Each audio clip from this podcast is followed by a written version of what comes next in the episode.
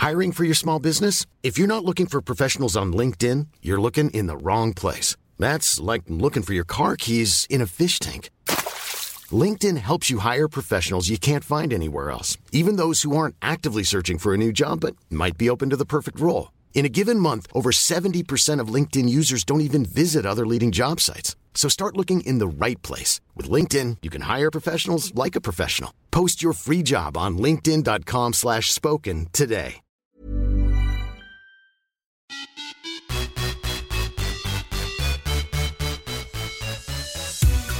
Hej och välkomna till podden Viss och Svärm on the run med mig Josefin Svärm och Sara Viss. Och vi är ju nu inne i vårmånaden mars.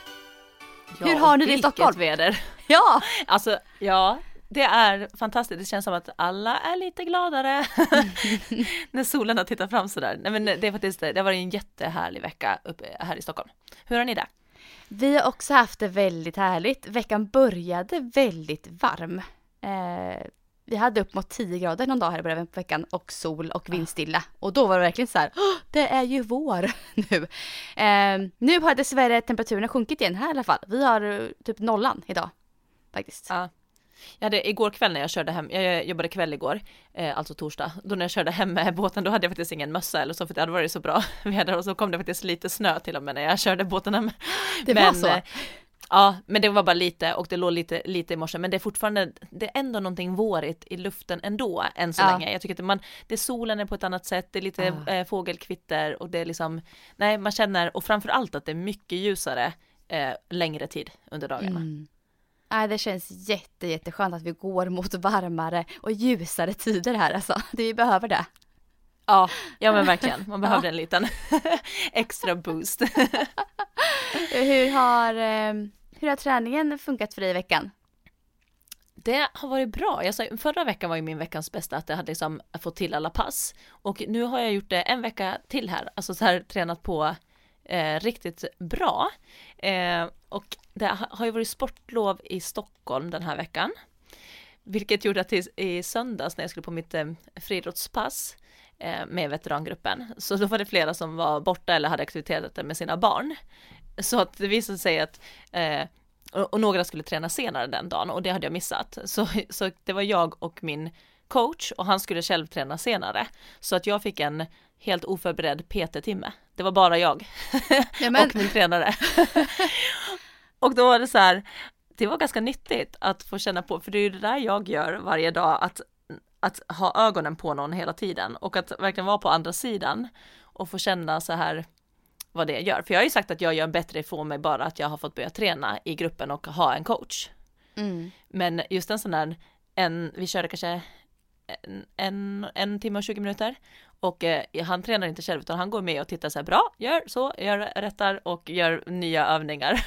Och eh, alltså jag var så trött för att man liksom på något sätt anstränger Ja. sig. Eh, och att vi eh, skruvade upp lite och gjorde ganska tuffa, lite så här försäsongstänk så att vi skulle också göra mig trött. Eh, och det var också lite första gångerna som jag började så här, du vet, faktiskt behöva bita ihop i, eh, i mentalt. Att vara så här, Mm. okej, nu vill jag typ, nu räcker det, men jag, ska, jag har några kvar. Fast jag känner att jag liksom börjar vara riktigt trött. Eh, så, att, eh, så det gjorde, men det var väldigt, eh, väldigt härligt efteråt eh, och väldigt nyttigt kände jag att verkligen få känna så här att man coachar men man också blir coachad. Han visar övningar och det här känner jag igen att kunder brukar säga till mig så här, åh det ser så lätt ut när du visar. Och det är Mm. för att jag har gjort den övningen hundra gånger eller tusen gånger. Eh, och så gör han också, så han visar ju då mig en ny övning och så hur han hoppar och så har han sån spänst. För att han är ju som sagt fortfarande aktiv och jätteduktig sprinter. Och sen så ska man själv göra det och man bara nej det ser inte likadant ut. och, man, och man känner liksom du vet hur man får liksom jobba med koordination, eh, kondition för mig också för det var så mycket hopp som jag skulle göra Mm. och styrka och liksom hela alltihopa och ja, vad, vad man blir trött efteråt när man verkligen så här försöker ta instruktioner. Men gud, det här låter fantastiskt ju. Du är så inne i träning som är liksom mer och mer känns som specifik mot det du kommer göra. Ja, alltså han lite? kallar ju det ändå så här, ja, för mig är det absolut det, med Ja. tanke på hur jag kommer just från nu så här mammaträning till Det är att så jag försöka tänker. komma igång allmänt. Exakt, exakt. Mm. Och så för han säger ju att det här är ju då liksom, det här är ju grund och att vi Mm. leker runt och gör lite allt annat. Mm. Fast för mig är allt det här mycket närmare sprintträningen Mm. än vad jag har gjort. För att nu har jag som sagt, jag börjar hoppa jättemycket. Och det är grodhopp och det är sådana eh, borsovhopp och det är eh, olika splithopp, alltså man ska hoppa upp och det är som eh, splitta i luften och sen tillbaka och byta ben och hålla på. Så det är massa så här olika. Och kast med bollar, eh, puttaslede och löpskolning. Så att det, allting är ju väldigt specifikt egentligen mot vad vi ska. Mm. Men jag fattar vad han menar också i och med att det här blir grunderna för att bygga upp till sprinten, till riktiga liksom, 100 Exakt. sprintarna du ska göra liksom. Så jag fattar ju den grejen. Ja, för jag sprang ju knappt, eller jag sprang inte mycket eh, på vårt pass, utan vi gjorde bara massa sådana här omkringövningar, eller vad säger man? Mm. Så ja, ehm, så det var liksom ändå den stora, som jag kände så här, oj det här var verkligen ett eh, tufft men roligt, eh, jätteroligt pass eh, och Mm. eh, lyxigt att få köra så individuellt. Ja men vilken lyx. Men är det så att du Mm. fortfarande kör två stycken sprintpass och två styrkepass? Ja, Ja. det är, och det är de jag också då har nu fått ihop. Mm. Sen har jag en tanke, de andra i gruppen kör ju med, de tränar typ sex gånger i veckan och jag känner att det är ju inte rimligt för mig. Så att jag har ju också, vi har ju valt ut då lite att, att jag kör mina två sprintpass och sen de två styrkepassen, då kör jag ju jättemycket ben, övningar. Mm. Och det, det är ju det också som är bra, liksom att, att jag nu går till gymmet en till två gånger i veckan, jag, annars kör jag hemma om det går. Men då blir det också bra att när jag vill gå till gymmet, då gör jag liksom inte övningar jag kan göra hemma, utan då är det, då är det liksom skivstång, det är liksom frivändningar, det är knäböj, det är utfall, det är step up, det är så, alltså, sådana tunga basövningar. Mm. Så det är ganska tunga pass skulle jag säga när jag kör. Eh, och sen kör de andra, de kör ett överkroppspass och ett typ core-pass också. Och då har jag en liten tanke att jag ska försöka så här, mentalt sätta in en kvart hemma. För att det funkar ju bra när jag körde det här run streak och yoga en kvart om dagen. Och då tänkte jag att den dagen de kör överkropp på gymmet, då skulle jag ju faktiskt kunna göra 15 minuter överkropp hemma. För det är ju bättre än ingenting, är min tanke.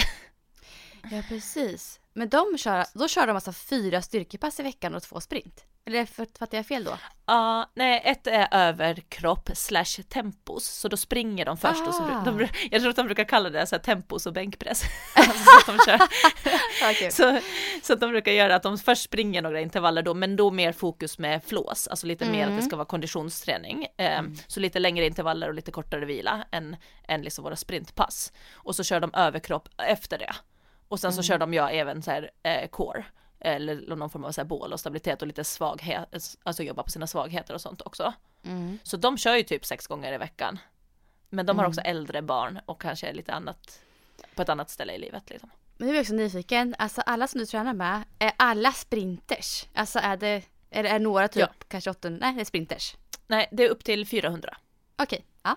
eh, i den Mm. gruppen som, Mm. som jag är. Sen är det andra veteraner som, är, som tränar lite parallellt med oss men inte liksom med samma tränare. Och där är det ganska många som kör mångkamp till Mm. exempel. Eh, så de kör även då lite häck och eh, lite hopp och eh, kast och sånt också. Men just med Leon, min tränare, han är sprinttränare så att i den gruppen så är det fokus från 60 meter till 400. Men vad härligt Sara att du är igång så bra. Vad kul att höra. Ja, det känns jättebra. Hur har du kommit igång med ditt nya träningsschema, din nya coach? Eh, nej, det har jag faktiskt inte gjort. Ehm, vi håller fortfarande på att mejla lite med varandra och han hade några extra frågor till mig här förra veckan. Så att, eh, jag tror att han snart har ett program färdigt för mig här.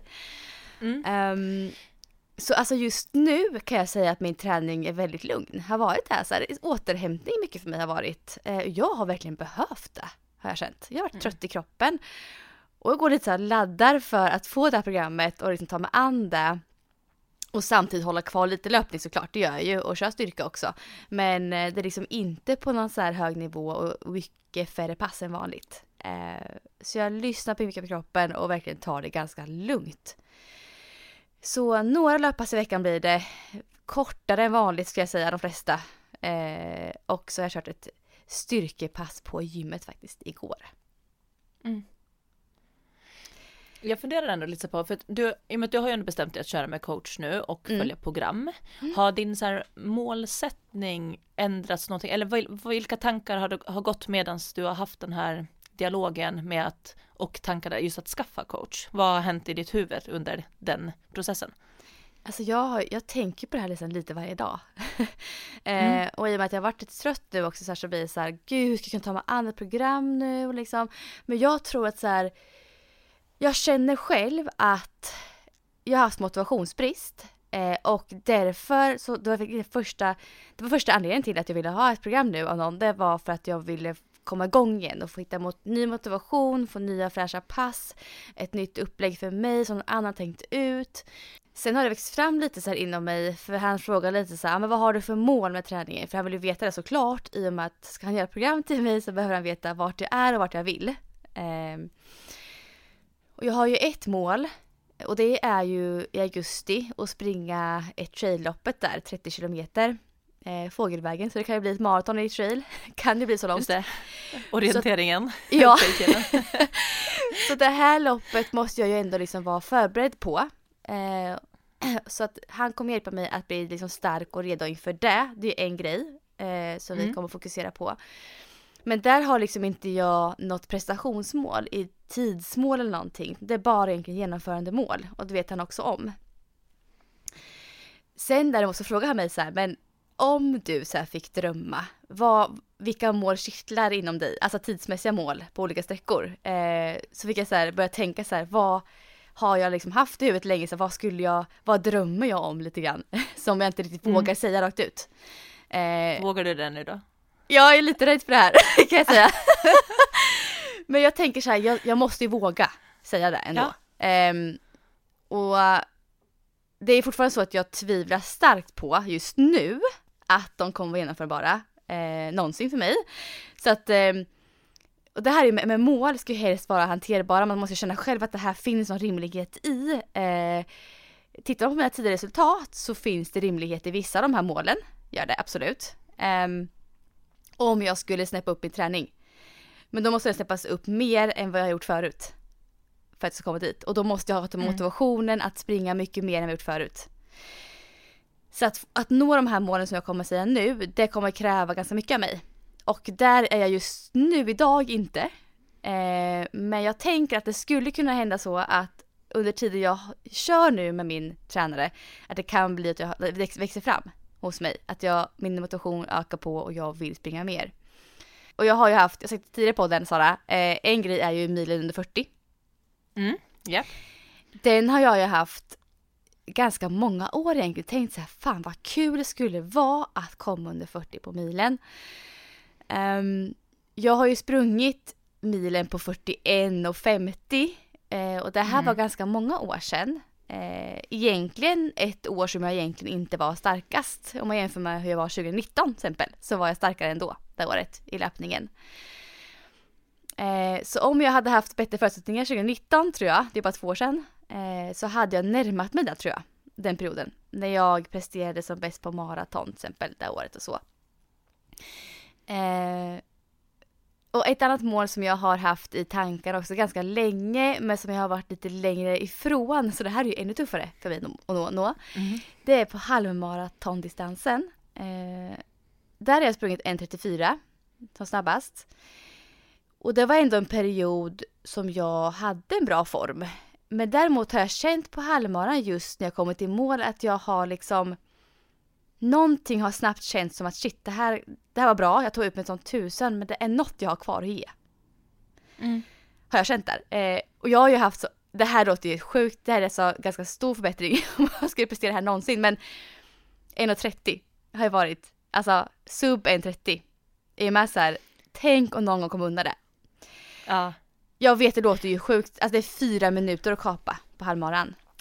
Nej men alltså vet du vad? Jag tycker Ja. inte att det låter sjukt. Nej, okej. För, Jag tycker det är öron.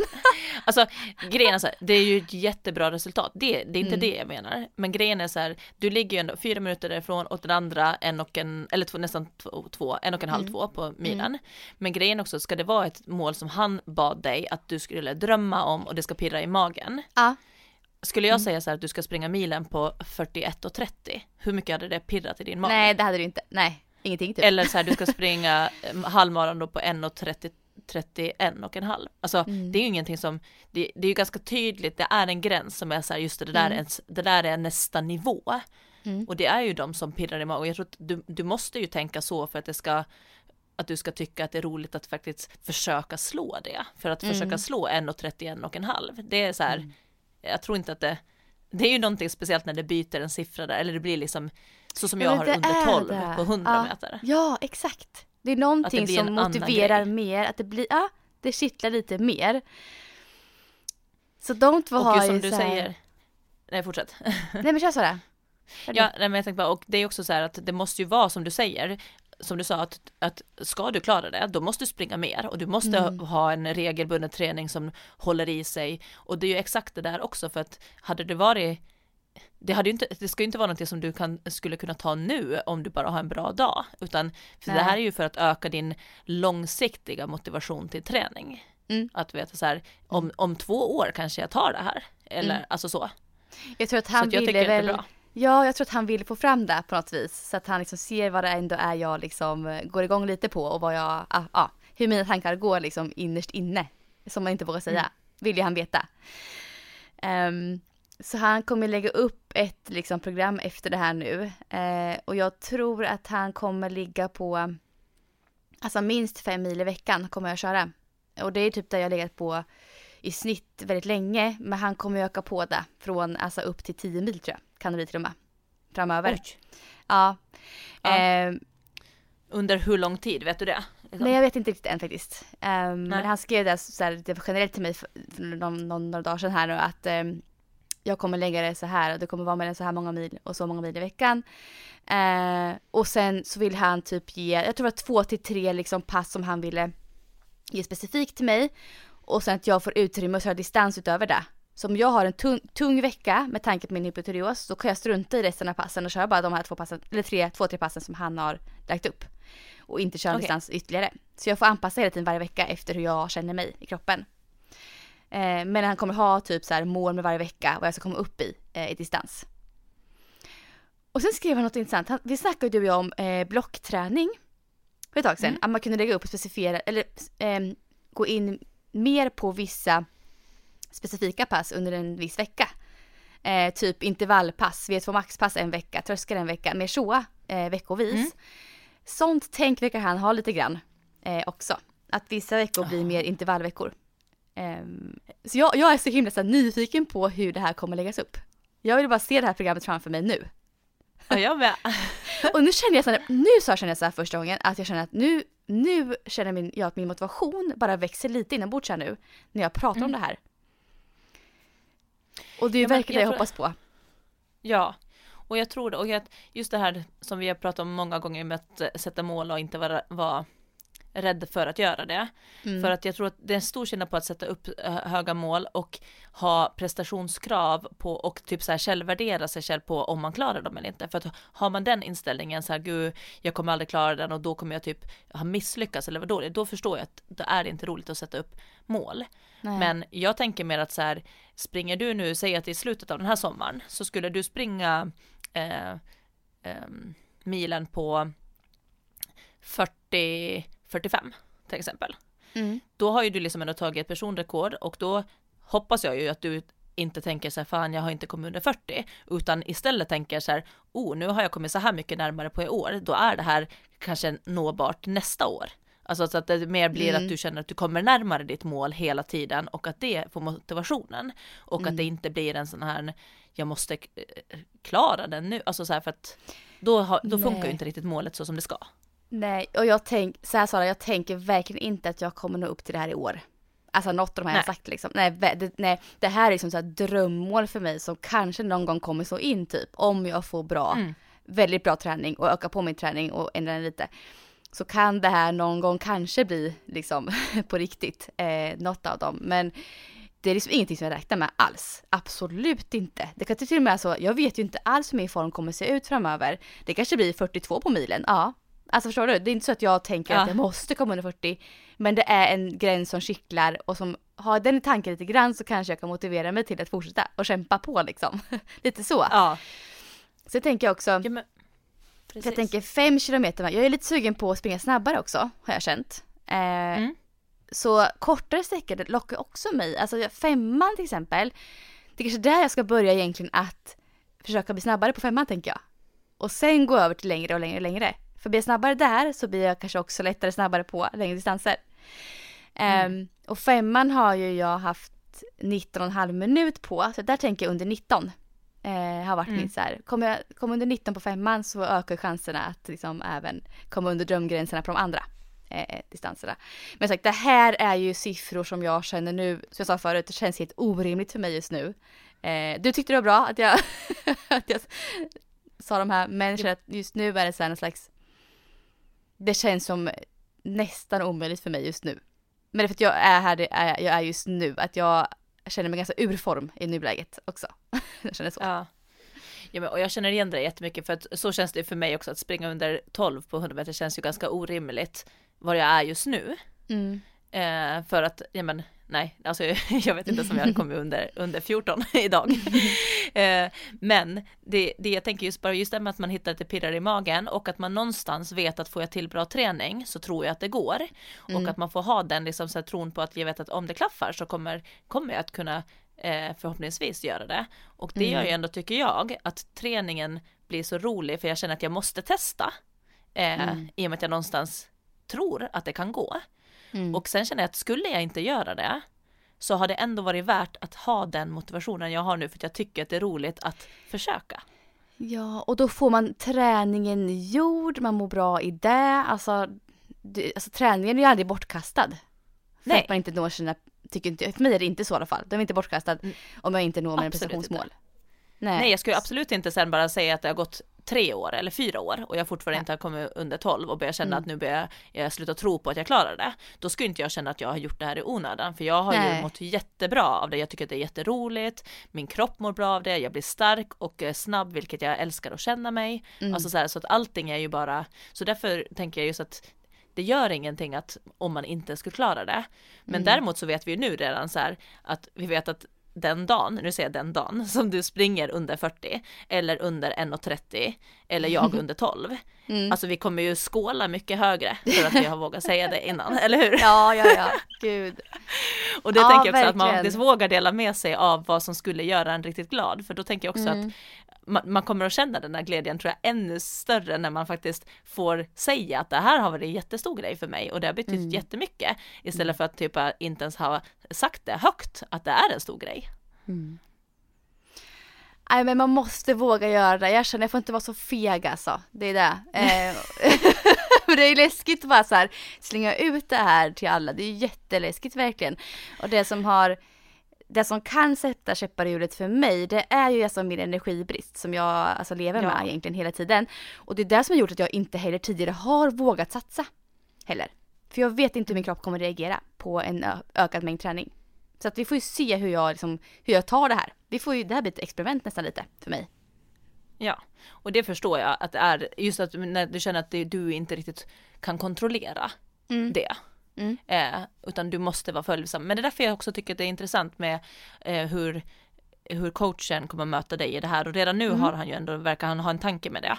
Mm. Eh, och att just som säkert han och du förstår också att det, det, finns ju flera vägar för dig att ta det där målet. Det inte, behöver inte vara det här klassiska, du ska köra det här programmet.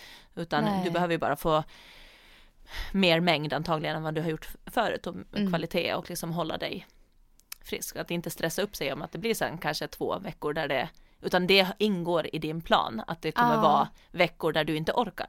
Mm. Det är liksom, är det. det. är liksom inkluderat så att du liksom får omfamna den, den veckan också. Mm. Ja, verkligen. Nej, så det blir spännande. Jag ska dela med mig av programmet när jag har fått det. Jag lovar. Ni ska få veta hur det ser ut. Ja, det ska bli jättespännande. Yes, vi fortsätter veckans avsnitt med ett sponsrat inslag från Vitamin Well. Eh, det är nämligen så att ansökningsfasen till Vitamin Well Nordic Runners 2021 är igång. Och det här vill vi ju såklart uppmärksamma i podden. Ja, jag minns att vi gjorde det här förra året också.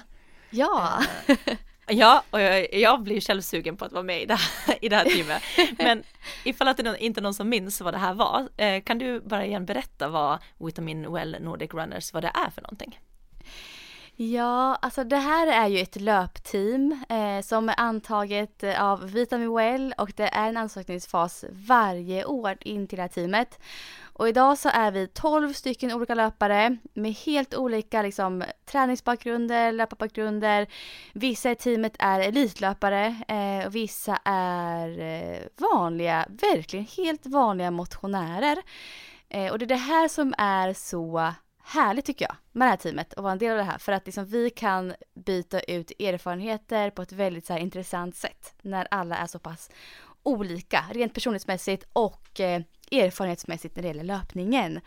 Eh, och det här teamet, eh, vi träffas en gång i alla fall varje år på en större träff. Eh, och det är i samband med något lopp som går någonstans i Europa. Eh, och för två år sedan så var vi i Köpenhamn eh, och sprang. Eh, vilket var fantastiskt härligt. Jag var tyvärr skadad men jag fick stå och heja och langa vätska till mina liksom, lagkamrater. det var också jättehärligt faktiskt. Eh, förra året så var vi i Vadstena träffades. Det var inga lopp då för det var ju av förklarliga skäl så var coronan här. Eh, så det blev liksom eh, inget lopp då. Men eh, hoppas att det kan bli ett lopp här nu i höst. Och blir det inte det så kommer det bli någon slags träff i alla fall för alla som blir liksom uttagna till eh, teamet. Eh, och jag ska säga att det här teamet finns ju också i eh, flera olika länder än i Sverige. Men just här så är vi en skara på 12 stycken just nu. Just det. Och hur, om man är sugen på att vara med, hur ansöker man för att få bli en del av det här teamet? Jo, man gör så här att man går in och följer Vitamin Well Sverige på Instagram och på Facebook. Eh, och man går in på deras tävlings, en av deras tävlingsposter. De har lagt upp några stycken här nu att eh, ansökningsfasen är igång. Så man går in på en av de eh, inläggen och eh, taggar sig själv eller någon som man tycker ska komma med. Och så skriver man en liten motivering till varför eh, man borde vara en del av teamet. Ehm, och sen kan man också dela inlägget eh, som Viton Well lägger upp i, på sin egen Instagram eller händelse på Facebook. Eh, så så söker man. Så in och kika på Viton Well Sveriges Instagram eller Facebook-konto. Yes. Och om du bara delar med dig, för du har ju varit med nu flera år, så att om ja. du får välja ut något jättebra, eller ditt bästa minne eller eh, eller det bästa liksom att vara med. Vad, vad skulle du vilja verkligen lyfta som en extra, eh, eh, ja det bästa med att vara med? Ja, men alltså det bästa tycker jag det är Alltså vi i teamet har verkligen hittat en så himla fin liksom, sammanhållning. Eh, och jag har liksom hittat flera så nya vänskaper verkligen. Som är lite djupare också med vissa av eh, lagmedlemmarna. Och det här är sånt som man liksom inte vet innan alls hur man ska matcha ihop och liksom hur det ska gå men alltså de har gjort så ett bra val av människor känner jag när jag ses, ses varje gång att det här är ju så härligt gäng eh, löpare eh, och personligheter så att eh, det är absolut det bästa med att vara med. Det är gemenskapen och alla härliga människor. Utan tvekan.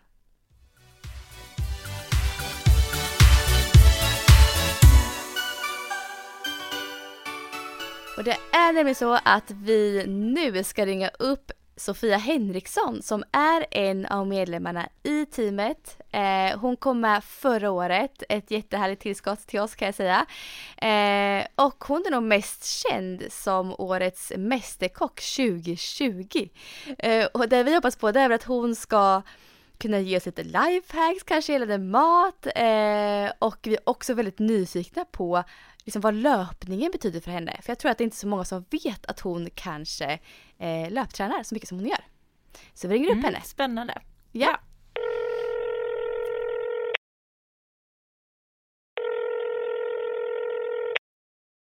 Hej det är Sofia. Hej Sofia och varmt välkommen till våran podd. Hej! Så kul att vara med Ja men det känns jättekul att ha dig med här också. Och innan vi dyker in på alla våra frågor som vi har till dig så vore det väldigt kul om du bara liksom kort vill berätta lite om dig själv. För, dig som in, eller för de som inte känner till dig sedan tidigare. Oj, alltid den svåra frågan att berätta om sig själv. Men jag heter Sofia då och jag var med 2020 i Sveriges Mästerkock och vann det och sen dess har jag egentligen jobbat som matkreatör och influencer och tv-kock och på alla möjliga olika sätt med mat. Är journalist i grunden och ja, men älskar eh, att träna allt möjligt, men löpträning också. Så nu är jag med i Nordic Runners. Gud vad kul. Jag är när jag, jag, när jag, fick veta att du skulle vara med så jag började såklart liksom läsa på lite mer av dig. Jag var in på din YouTube och jag tycker att det är jättekul att du är med i vår podd för jag tyckte att du, blev, du var så himla inspirerande och så rolig person tycker jag. Gud vad roligt, vilken komplimang! Tack. Ja, men så här, Josefin och jag pratar ganska eh, så här, ofta lite som i podden, att hitta tillbaka till så här, sin glädje och göra saker som man faktiskt själv får energi och tycker att det är roligt och mm. inte liksom bara fastnar i någon form av så här, kanske roll eller så. Och det känns ju som att eh, din resa, dels med att du har varit med i tv-programmet och eh, rest mycket, jobbat som någon eh, tv-spelstestare och allt ja. så här. Berätta lite, hur, hur kom det sig att du sökte till, eh, eller berätta lite hur du tänker kring saker du har gjort i livet och hur det också mm. eh, kom sig att du var med i tv-programmet. Nej men jag tror att jag är en väldigt eh, rastlös person i grunden. Sen kan man ju alltid komma in i sådana banor att man bara fortsätter att jobba på. Och så var det nog för mig. Att jag började plugga direkt efter gymnasiet, jag tog en master, jag började jobba på mitt drömställe, Sveriges Radio. Och allting liksom flöt på väldigt mycket tills jag insåg att nej men jag måste ju göra någonting för att det ska hända någonting annat på något sätt. Eh, så då var det egentligen, det började med att jag sa upp mig från mitt jobb och eh, började resa. Så sen var jag ute och backpacka i ett halvår började söka nya jobb, så jag hamnade i Madrid som tv-spelstestare. Och eh, mitt någonstans i den här svängen så bestämde jag mig för att söka till Sveriges Mästerkock. Det kom upp en annons på Instagram och jag var mitt i det här.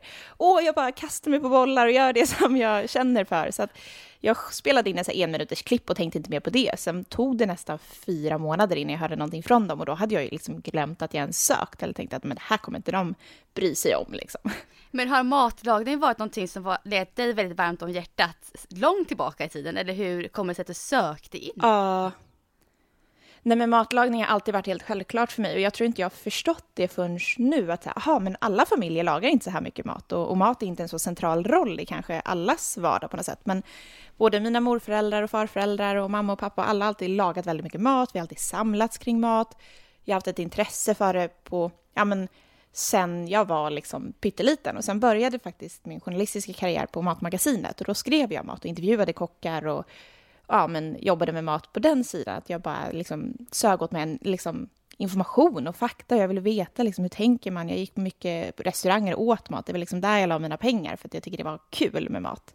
Men sen att jag själv kunde laga, det hade jag liksom ingen aning om. Det tänkte jag bara var så här, ja, det var, det var en bonus och lärde känna mig själv lite när jag var med i programmet. För att det är nog inte förrän man sätts i den, ja men, i den situationen, så här, nu måste du laga det här, så märker man, ja, det kunde jag tydligen laga. För att då har jag liksom lagat så pass mycket mat och inte reflekterat över innan. Men så när du gick in i, alltså när, du, eh, när den här annonsen kom upp som du sa och du sökte till programmet, mm. då var det inte så här att du hade självförtroende i att du visste, men gud, jag är jättebra på att laga mat, det här ska jag söka. Är det så du menar? Nej, att du märkte... gud nej. Jag tänkte det här är en rolig grej och jag har ju kollat på alla tidigare säsonger så att säga, det vore ju skitroligt. Men jag tänkte aldrig, och hela, under hela programmets gång så var ju liksom alla andra kända i sina familjekretsar och sånt över så här, men det är den som är bra på att laga mat.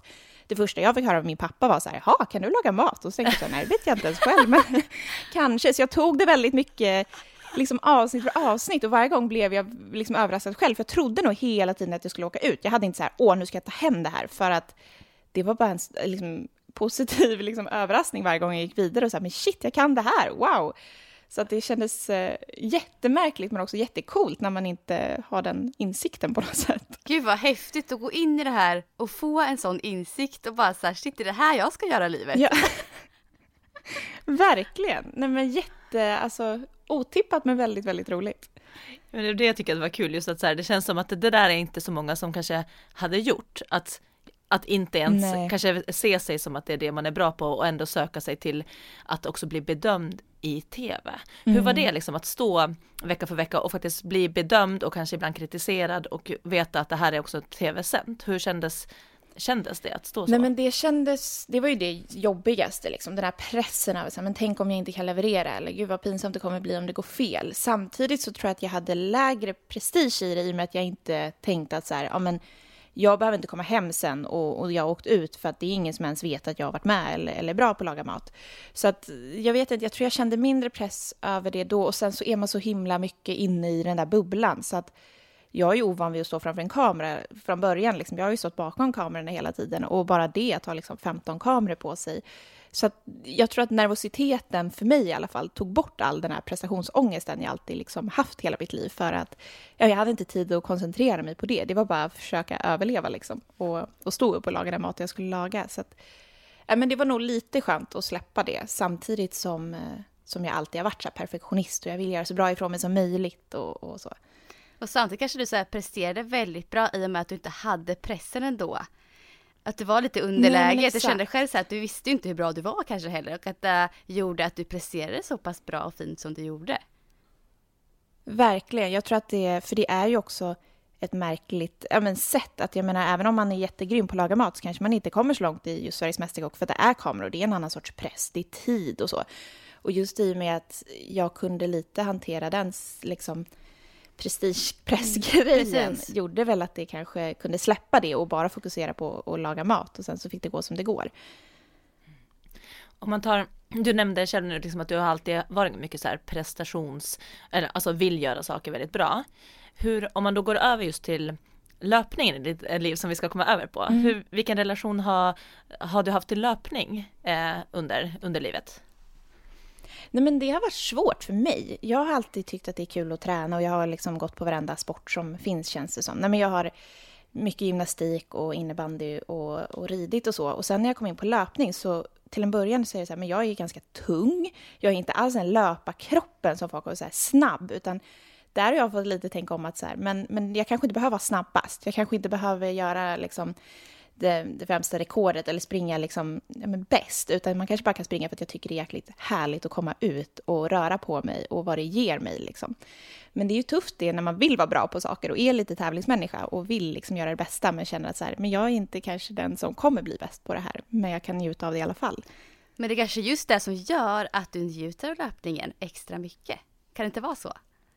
Absolut, gud ja, att det inte finns, det, det är ett rum där man inte behöver känna den pressen liksom. Mm. Och Sofia, du är ju en del av Nordic Runners som jag och Sara har pratat om här tidigare i avsnittet. Eh, och eh, hur känns det tycker du att vara en del av det här teamet? Nej men det känns så coolt. Det känns så himla lyxigt också att få vara med i ett team med så otroligt duktiga människor, alltså duktiga löpare och att det är sån jäkla blandning. Men alla har liksom ja, men alla har helt olika yrken eller, eller helt olika intressen i livet, men, men alla liksom sammanförs med ett intresse. Liksom. Så det är skithäftigt att få vara en del av det teamet liksom, och få all den motivationen och inspirationen. Ja, och jag som också är en del av teamet känner ju det, att det här just att variationer av människor eh, och eh, lite så här vart nivåmässigt man ligger i löpningen. Att det ger ju otroligt mm. mycket. Alltså jag märker att elitlöparna får ju mycket också av motionärerna i det här teamet. Eh, ett annat ja. lugn kanske, ett annat sätt att se på träningen eh, mot att de är vana vid. Så mm. det här ger ju verkligen mycket för alla som är med, upplever jag, i teamet. Gud, ja det tror jag verkligen. Och man hör ju det när vi liksom, nu har vi sett på Teams istället för i verkligheten, men att man kan, någon har sprungit 15 mil den veckan och så har man själv sprungit 5 kilometer, men det gör liksom inte så mycket, för alla liksom gör den takten de kan, eller någon är skadad, eller någon liksom, man, man kan ändå samlas kring det, liksom. man kan ändå snacka om det och, och tycker det är kul. Hur, hur ser din träning ut i dagsläget? Alltså, kör du bara löpning mm. eller hur, hur ser en träningsvecka? Finns det en normal träningsvecka eller är det blandat? Ja, inte riktigt i med hur det ser ut nu, men, men det har ju varit mycket snö och då har jag framför allt fokuserat på längdskidor, för jag älskar att åka längdskidor och då har det liksom fått vara min främsta konditionsträning. Och jag är inte jättebra på att ge mig ut med dubbar och hardcore i snön. Men nu har ju verkligen våren kommit, så nu är det ju bara att snöra på sig skorna och kunna gå ut och springa. Men jag försöker varva rätt mycket. Jag älskar att cykla också, cykelträna och jag tror det var så jag hittade till löpningen, att jag gjorde tjejklassiken. Och jag vill ju ha riktiga klassiken också, så då är det liksom allt ifrån cykla till längd till att springa. Det är jättehärligt. Så fort man kommer ut så blir det ju härligt liksom. Men det låter ändå som att träningen är en ganska stor del. Ska jag säga. Alltså om man, om man har sikte på att göra klassiker och så, då, då jag tänker att det är ändå väldigt ambitiöst. Ja, gud ja. Men det har nog varit sedan jag var liten har jag alltid sagt att jag ska göra klassiker innan jag fyller 30. För min mamma gjorde det, så att när jag inte ens visste hur det var i princip så sa jag att jag skulle göra det. Men, eh, men det, är, det är ett kul mål och då blir det ju roligare att träna på något sätt. Att man har någonting att, att sikta fram emot, tycker jag i alla fall. Och just det här, det hade jag inte förstått innan, men det är ju någonting med att springa lopp eller att eh, cykla lopp. Alltså att man verkligen får den här publikkänslan och, och, att man gör det tillsammans så att alla kämpar. Liksom. Det är så himla härligt om vi kommer tillbaka lite till kosten men ändå kopplat till löpningen tänker jag. Alltså hur laddar mm. du kostmässigt inför dina löppass? Har du några så tips där? Jag vet inte om jag har några superknep. Jag tänker att jag behöver, jag kan inte äta för mycket, det är väl kanske väldigt individuellt, men äter jag för mycket mat så mår jag bara illa när jag springer. Och, eh, vilket är svårt att kombinera med mitt jobb, för det är alltid massa mat. Men jag brukar göra sådana här typ eh, daddelbollar, eller så här väldigt mycket energi och, och ehm, ja, men så jag får en liten laddning men inte blir proppmätt. Det är väl egentligen så jag gör, men annars lever jag på som, som vanligt i och med att man försöker få in det i en vardag liksom, och kunna ta löppass lite när som. Har du några andra så här lifehacks gällande mat? Alltså som jag kanske tänker så här i vardagen eller någonting. Vi gillar lifehacks, att det ska gå liksom enkelt och snabbt. Har du något sånt att dela med dig om så här inför träningen eller bara allmänt i, i vardagen kanske? Ja, men lite så. Dels så är det ju, det kan ju vara svårt ibland att planera för mycket och göra lunchlådor och middagslådor och tänka för mycket så. Men ett så här lifehack jag har som är jättepraktiskt, det är att men man tänker att sitt kylskåp är lite som en sån här salladsbar. Ni, jag vet inte, man går ju oftast och beställer en sallad liksom, men istället så kokar man färdigt kanske bulgur eller den liksom, kolhydrater man tycker mycket om man har en så salladspåse i kylen, man hackar upp grönsaker, så allting är liksom redo i lådor. Så kan man lite det man känner för. Man kanske rostar lite sötpotatis i ugnen, man kanske har lite bönor och sen kan man liksom bygga ihop sin egen sallad på kvällen, för då slipper man hålla på och ställa sig och laga mat, men man får också någonting så supergott och känns jättelyxigt att förbereda i smålådor. För då kan man också sen, ja men känner du för att laga en middag, ja men då är redan grönsakerna upppackade till exempel. Eller du kan använda salladen som en side. Så att preppa typ salladslådor istället, där de inte är färdigblandade redan, är typ jättesmart. Det är mycket så organisation tycker ja. jag är praktiskt. Eller bara alltså, laga av det man har hemma. Det kanske, jag vet inte om det är ett hack riktigt, men jag tycker väldigt mycket om att bara se sitt kylskåp som en typ mystery box i Mästerkocken. Att man säger vad kan jag laga av det här och vad blir kul och bra?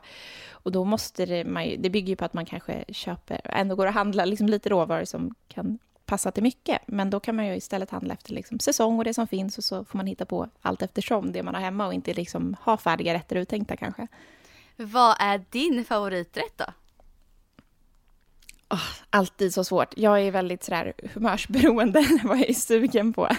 Så jag brukar alltid svara att det är sådär något tapasbord eller metsebord eller julbord bara. Någonstans där jag kan få massa olika smaker. För jag vill liksom att varje tugga ska vara olika och inte bara en rätt egentligen. Spännande tänk. eh, hur har ditt så här, liv förändrats? Om du känner så, alltså från att du har faktiskt vunnit den här ändå prestigefyllda tävlingen och tv-sänt och så. Hur har ditt, eh, ditt liv förändrats av, av att vara med i programmet? Nej men det har förändrats jättemycket, helt och hållet rent eh, ja, men vad jag gör idag. Vad jag jobbar med och vad mitt liksom hur jag har, min profession har ändrats helt och hållet egentligen. Så det är väl största förändringen. Men också lite det här att man kanske måste tro lite mer på sig själv. att man måste tänka att man kanske är bra på saker och, och sånt. Eh, tror jag faktiskt har påverkat också. Men hur är det Sofie, hur jobbar du idag för de som inte har stenkoll på det? Ja, men det är, alla dagar är helt olika. Eh, till exempel idag gör jag den här podden med er. Sen ska jag iväg och spela in Youtube med en eh, matgeek heter han och då ska jag spela in Youtube med honom. En annan dag så spelar jag in någon annan serie eller eh, skriver recept eller alltså det är verkligen högt och lågt, helt olika grejer, olika samarbetspartners jag jobbar med. Och eh, det är det som är så kul, att jag lite kan välja det jag faktiskt går igång på och tycker det är roligt. Men det fylls ändå upp något enormt. Det trodde jag inte i början när man liksom började som egenföretagare. Så tänkte man väl att ja, vad gör jag nu då, när det inte finns någonting? Ska jag hela tiden söka ett nytt jobb tills man inser att nej men gud, nu är det ju fullt. Nu har jag inte liksom möjlighet för något nytt jobb. Så det känns faktiskt jättelyxigt och jätteskönt att kunna bestämma själv.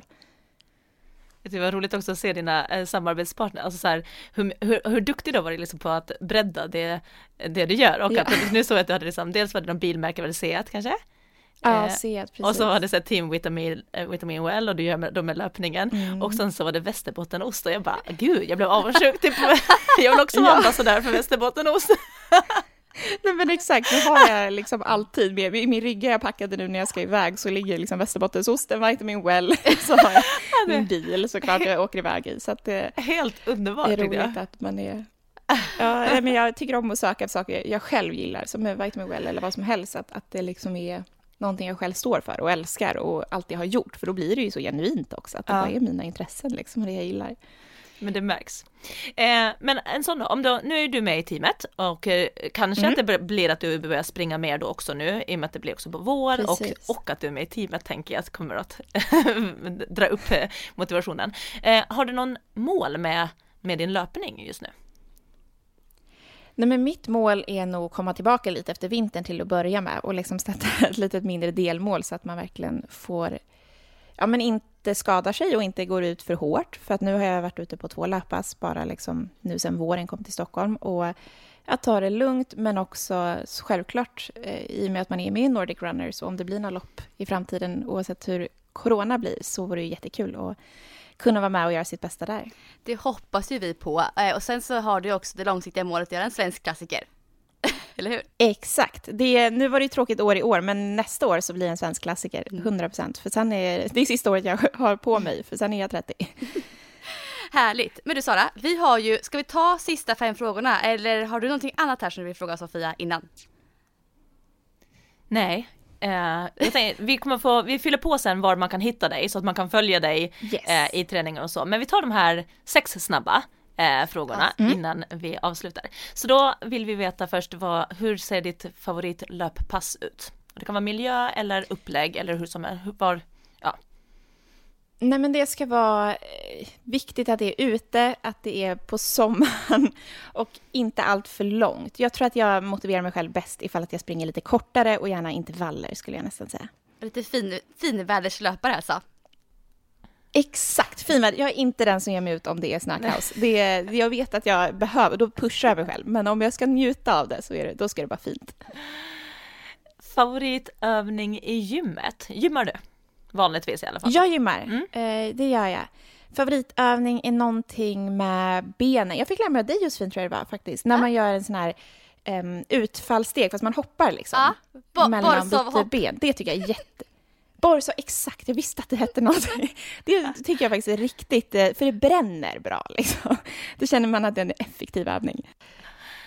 Eh, då går vi sen då, det här var vi lite inne på, men favoritdistans?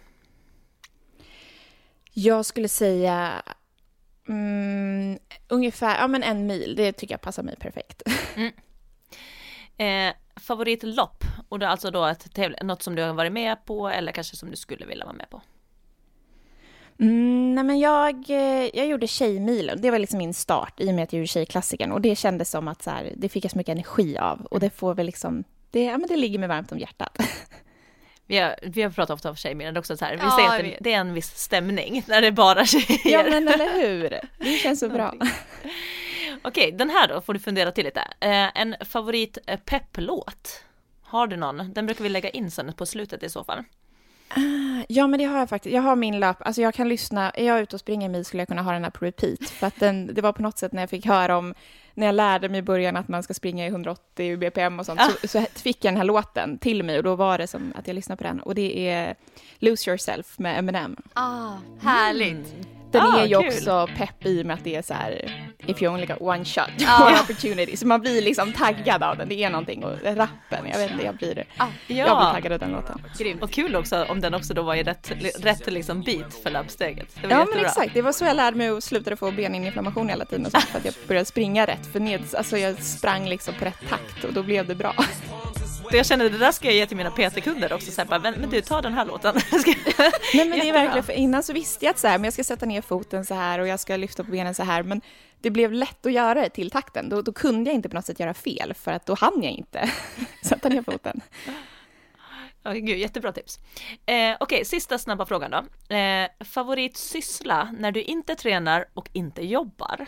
Nu kanske ditt jobb är lite svårt att skilja på när det, vad som är jobb och vad som Ja, nej men då kanske jag inte följer varken mat eller träning, vilket är liksom det roligaste. Men resa, om jag får säga det, om det är en syssla så, så är det det. Eller liksom ja, resa eller träffa människor. Jag kan bara sitta och lyssna på en människa och det är min favoritsyssla. Dens livshistoria, jag tycker det är så himla, älskar att lyssna på berättelser bara. Mm. Gud vad härligt. Kul. Gud vad fint att få prata med dig Sofia. Verkligen. Ja, verkligen, detsamma. Eh, så önskar vi dig lycka till framöver i karriären och med löpningen och träning och allting. Tack. Ja. Ha det så bra nu och stort lycka till. Så härligt att få ha med Sofia på tråden här och eh, vill ni följa henne så hittar ni henne på Sofia Henriksson på Instagram så där kan ni följa och se hur det kanske går då med klassikern som kommer då nästa år kanske. Ja, spännande. Det där hon säkert dela med sig av både på YouTube och Instagram gissar jag på i så fall. Ja, verkligen. Ja. Eh, men Sara, ska vi gå över till veckans bästa? Ja. Innan vi avslutar dagens inspelning här. Ja, precis. Hmm. Alltså, det, jag tycker om att vi gör de här veckans bästa för man blir ju att tänka varje vecka. ja. Ibland är det svårt och ibland är det lätt. Och nu hade jag en vecka som jag bara, vilken ska jag ta? du hade massor att välja på, så här, lyx. Ja. Ja, men jag har ändå äh, valt, jag har tagit två stycken veckans bästa faktiskt.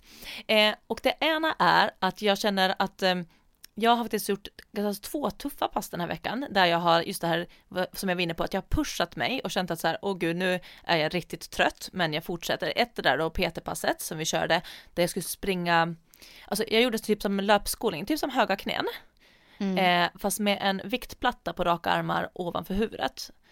Och så ska man göra, och jag får inte ta mig snabbt framåt, utan du vet hålla ett hög frekvens och ta mig bara långsamt framåt i det var typ 50 meter och gå tillbaka och sen direkt igen så var det typ 2 50 metrar, eh, 3 40 metrar, 4 30 metrar, 5 20 metrar och så, alltså det blev kortare och kortare men flera flera serier liksom på varje. Mm, mm. Och det där är fruktansvärt jobbigt. För att ah. Du kan inte slappna av någonstans och du kan inte börja sänka tempo, för det fick inte vara lågt tempo, utan det var hög frekvens på stegen. Och bålen måste vara så stark när, när du har vikten på raka armar ovanför. Fotbladet ska vara starkt hela tiden så att det blir den här korta kontakttiden i, i och när man blir trött så det, det finns liksom ingenstans där du kan på något sätt försöka slappna av, för då tappar du hela frekvensen och anspänningen. Och när vi körde de där, då kände jag bara så här, åh herregud, jag vet inte, jag orkar knappt hålla plattan ovanför huvudet.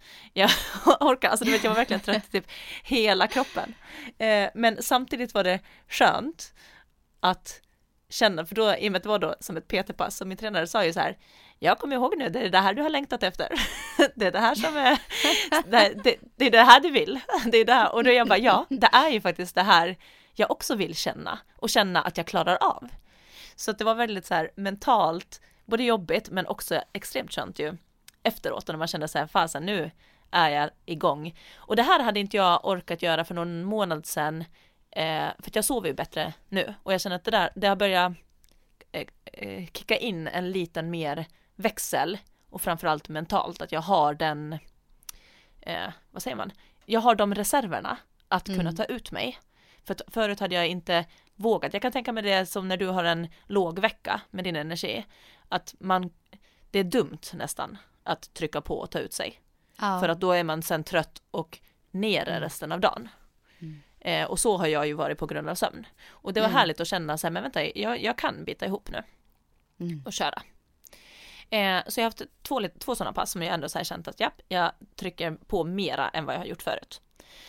Så det är en av veckans bästa. Och den andra, det är att jag checkade av, jag, jag fick feeling och ville bara så känna ungefär hur högt jag kan gå upp i en knäböj. Eh, I en mm. etta. Och då bestämde jag sig, jag ska mm. bara eh, känna, gå, jag ska inte liksom maxa maxa, utan när det börjar kännas så här, och nu börjar den vara så här seg uppåt, jag fick börja ta i, då räcker det. Men jag vill bara liksom, en dagens tunga etta. Eh, och då gjorde jag tresiffrigt igen, så jag var uppe på hundra. Nej. Jo, och jag var så här, och det var så skönt att bara yes, jag tog, och sen testade jag liksom inte, för det, den var ändå ganska, eh, 95 gick jättelätt, men 100 då började jag känna så här, oj, där eh, fick jag ändå ta i. eh, för att komma upp. Mm. Men då var det så, för när vi pratade målsättning i januari, då kommer jag ihåg att jag hade gjort en liten sån här eh, ungefär hur jag skulle vilja ligga till under året och så. Och då var det att i mars så skrev, sa jag att då kommer jag vilja gå in lite mer i en sån här försäsongsfriidrottsträning. Och då skulle det vara skönt att veta mentalt att, jag, att kroppen fixar en hundring. Mm. Eh, och det har inte jag egentligen haft så jättemycket sikte på, inte så här att jag aktivt har försökt träna knäböj och komma upp i det, utan jag har ju tränat på och kört lite knäböj, kört mycket ben, börjat springa, börjat hoppa och då var det så häftigt att känna att ja, den kom och ganska enligt min förhoppning att uh, ungefär att veta och det var ju liksom inte så här att det måste vara en hundring eller att jag nu måste ta mera utan det var ju mer för att känna så här att jag har den hållfastheten i kroppen, att veta kan jag ta en hundring, då kan jag också liksom vara med på friidrottsträningarna där vi ska köra flera reps på 70-80 utan att jag behöver vara liksom orolig att det är för tungt för min kropp eller börja hoppa och börja göra de här mer explosiva och mer tuffare övningarna. Så Mm. att jag var bara så himla glad att ja, jag checkade av den och den kändes bra. Mm. Nu är du där liksom, där du vill vara Ja. egentligen. Mm. Så det var mina två veckans bästa.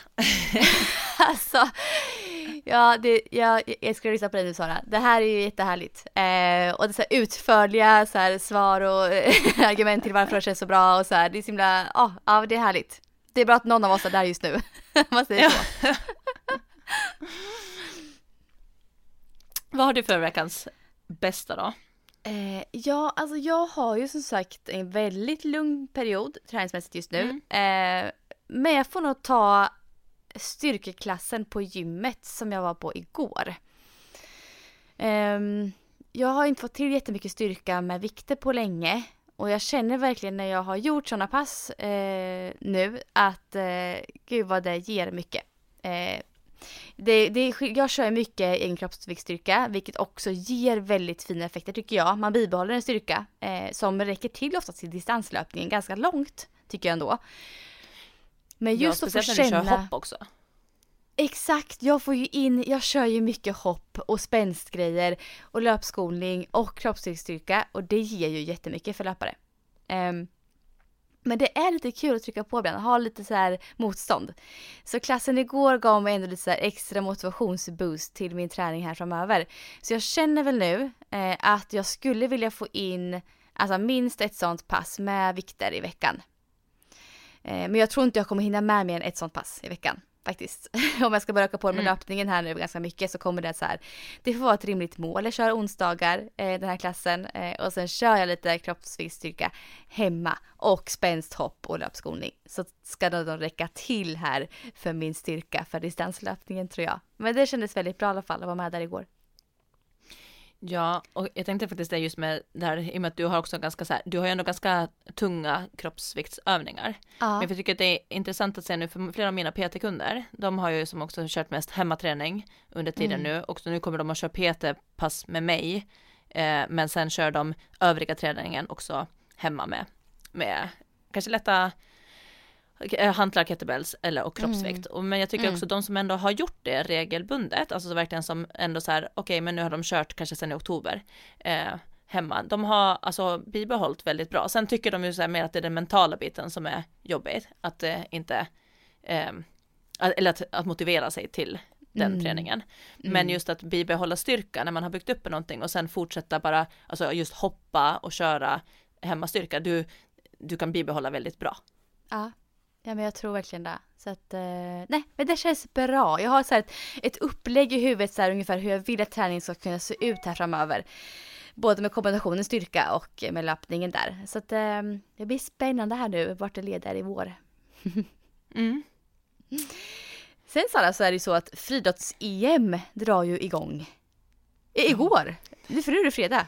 ja, men gud jag såg inte igår. Gjorde du det? Nej men började, jag såg att det var många svenskar var som invigning? reste ner igår.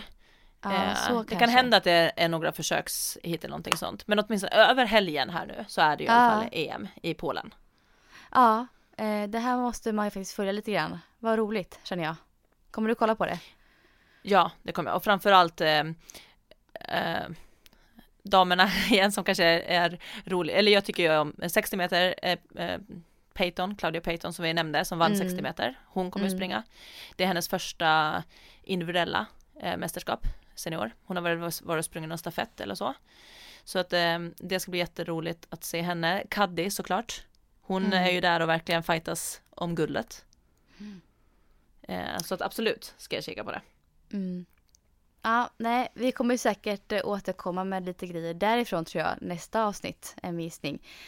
Eh, och kanske eventuellt om vi pratar lite mer om kanske programmet här nu på sikt för mig. Eh, det kan bli så att jag har fått det inför nästa inspelning. Mm.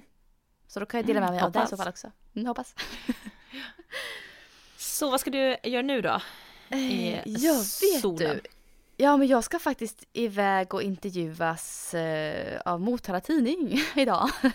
Åh, vad kul! Ja, de ringde upp mig vad handlar det om? Det kommer vara lite så här. Eh, de vill väl ge Motalaborna lite löpinspiration här nu eh, när våren närmar sig. Eh, och han ringde och pratade med mig häromdagen här och sa att det kommer vara kanske lite också om min liksom, eh, vad ska man säga, influencerresa och allt det här också. Eh, lät som han ville Mm. prata om. Så att eh, vi får se vad det blir av det här. Spännande. vad ska du göra? Eh, jag ska faktiskt eh, vara ledig över långhelg här nu för att vi, jag brukar ha det här lite öfys här på fredag lunchen men i och med att det är sportlovsveckan så har vi, vi körde bara ett pass den här veckan och sen så det var så många som var borta den här fredagen. Eh, så jag ska ut och leka med barnen faktiskt så Lasse ska få sätta sig och jobba lite, vi går lite skift. sen blir det Det är bara härligt. en, mys, ja, en mysig helg blir det med, Mm. med familjen. Mm. Det låter väldigt, väldigt bra. Hoppas att du får en härlig helg nu Sara och hoppas att ni som lyssnar också får en härlig helg höll på att säga, men ni lyssnar ju på söndag. En härlig vecka får jag Ja. säga istället. Exakt. Men ha det så bra nu, lycka till på intervjun och så Mm, hörs vi nästa vecka. Det gör vi. Ha det bra. Ha det bra alla, hej då! Look, if you had one shot, one opportunity to seize everything you ever wanted in one moment, would you capture it? Just let it slip. Yo. His palms are sweaty, knees weak, arms are heavy. There's vomit on his sweater already. Mom's spaghetti, he's nervous, but on the surface he looks calm and ready to drop bombs. But he keeps on forgetting what he wrote down. The whole crowd goes so loud, he opens his mouth, but the words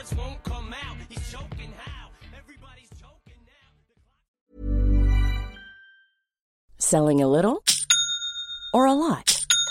Shopify helps you do your thing however you cha-ching. Shopify is the global commerce platform that helps you sell at every stage of your business. From the launch your online shop stage to the first real life store stage, all the way to the did we just hit a million orders stage. Shopify is there to help you grow. Shopify helps you turn browsers into buyers with the internet's best converting checkout. 36% better on average compared to other leading commerce platforms because businesses that grow grow with Shopify. Get a $1 per month trial period at shopify.com/work. shopify.com/work.